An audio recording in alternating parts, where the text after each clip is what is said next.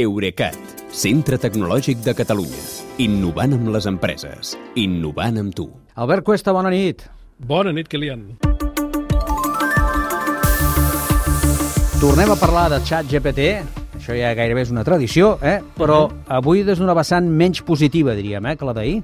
Sí, la d'Islàndia d'ahir, sí. Sí. Uh, podria, me, menys positiva i en podríem dir directament conflictiva. Conflictiva. Perquè la intel·ligència artificial és un dels punts de desacord en la negociació entre el sindicat de guionistes dels Estats Units i els estudis de cinema i televisió que ha portat a la primera vaga del sector eh, des de fa 15 anys i ja ha obligat a aturar diverses produccions. En parlàvem ara fa 48 hores mal comptades, sí, d'això. Doncs mira, doncs per una banda, els guionistes de Hollywood no volen que els seus guions anteriors es facin servir per entrenar sistemes d'intel·ligència artificial perquè dubten que se'ls respectin els drets d'autor. Ja. I, I per l'altra, també es neguen a treballar polint els esborrens de guió que, sense dubte, els estudis acabaran encarregant els algoritmes. Per tant, que no els encarregaran amb ells, vols dir?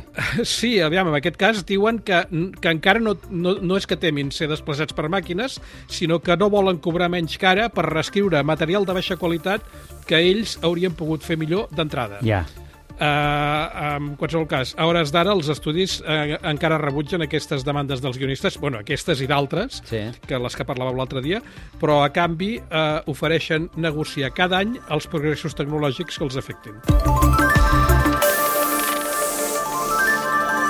I això que dius serà cada vegada més habitual, entenc, eh? tant la substitució de persones per màquines com els conflictes per l'entrenament amb algoritmes, eh, també?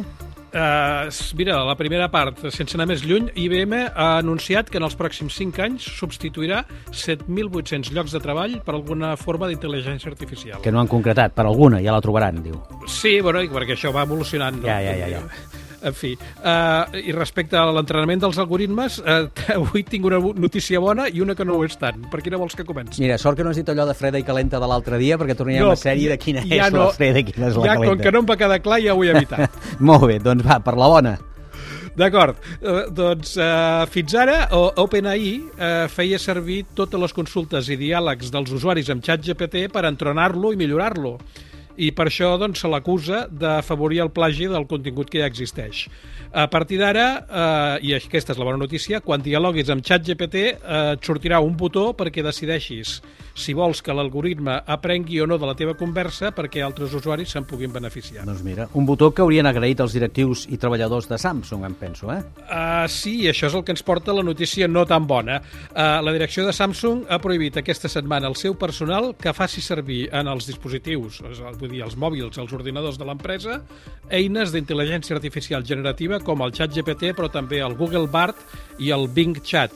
El motiu és evitar que es filtri o que es torni a filtrar informació confidencial de Samsung ni que sigui de manera involuntària, que és el que va passar fa poques setmanes quan un programador de l'empresa va agafar fragments de codi dels productes de Samsung i els va carregar amb un chatbot perquè li revisés i li optimitzés, però no va tenir present que a partir d'aleshores aquell codi podia aparèixer, i així va passar, Ja. amb, la, amb les respostes a les consultes de qualsevol altre usuari programador eh, que no fos de Samsung. Va ser una mica innocent, vaja. Eh? Jo crec que sí. I per això la indústria jo crec que anirà tendint a llogar les empreses eh, l'ús dels algoritmes, però no de les dades. I d'aquesta manera les empreses els hauran d'entrenar amb la seva pròpia informació interna.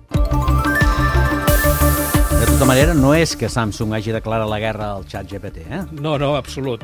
Per una banda, eh, n- Samsung està negociant amb Microsoft que el cercador web per emissió dels seus mòbils, que ara és Google, passi a ser Microsoft Bing, que, que ja conté ChatGPT. Però és que també els telèfons mòbils de Samsung inclouran aviat el GPT-4, que és la versió més actual, perquè Microsoft ja l'ha incorporat amb la seva aplicació SwiftKey de teclat virtual, que és allò per escriure a la pantalla, que és Sí. precisament la que els telèfons Samsung Galaxy porten inclosa de sèrie. Doncs sembla bastant clar que no podrem escapar dels algoritmes, No, no, segur que no. ni que correm molt. Gràcies, Albert, i que vagi bé. Bona nit, Kilian. Fins demà.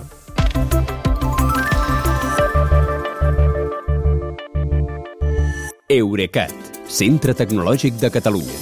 Innovant amb les empreses. Innovant amb tu.